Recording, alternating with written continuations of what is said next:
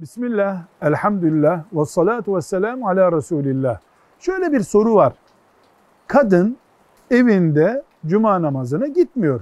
Gitmesi de farz değil. Cuma namazı kılmıyor yani. Denmiş ki hanım kardeşimize, Müslümanlar cuma namazını camide kılıp bitirmeden sen evinde öğlen namazı kılamazsın demişler. Bu cevap doğru değil. Yani bu çıkış doğru değil. Kadın cuma namazına gitmesi farz değil. Öğle ezanı yani cuma ezanının sesini duyduğunda seccadesini serip kılacağı öğle namazını kılabilir. Hiçbir sakıncası yok. Velhamdülillahi Rabbil Alemin.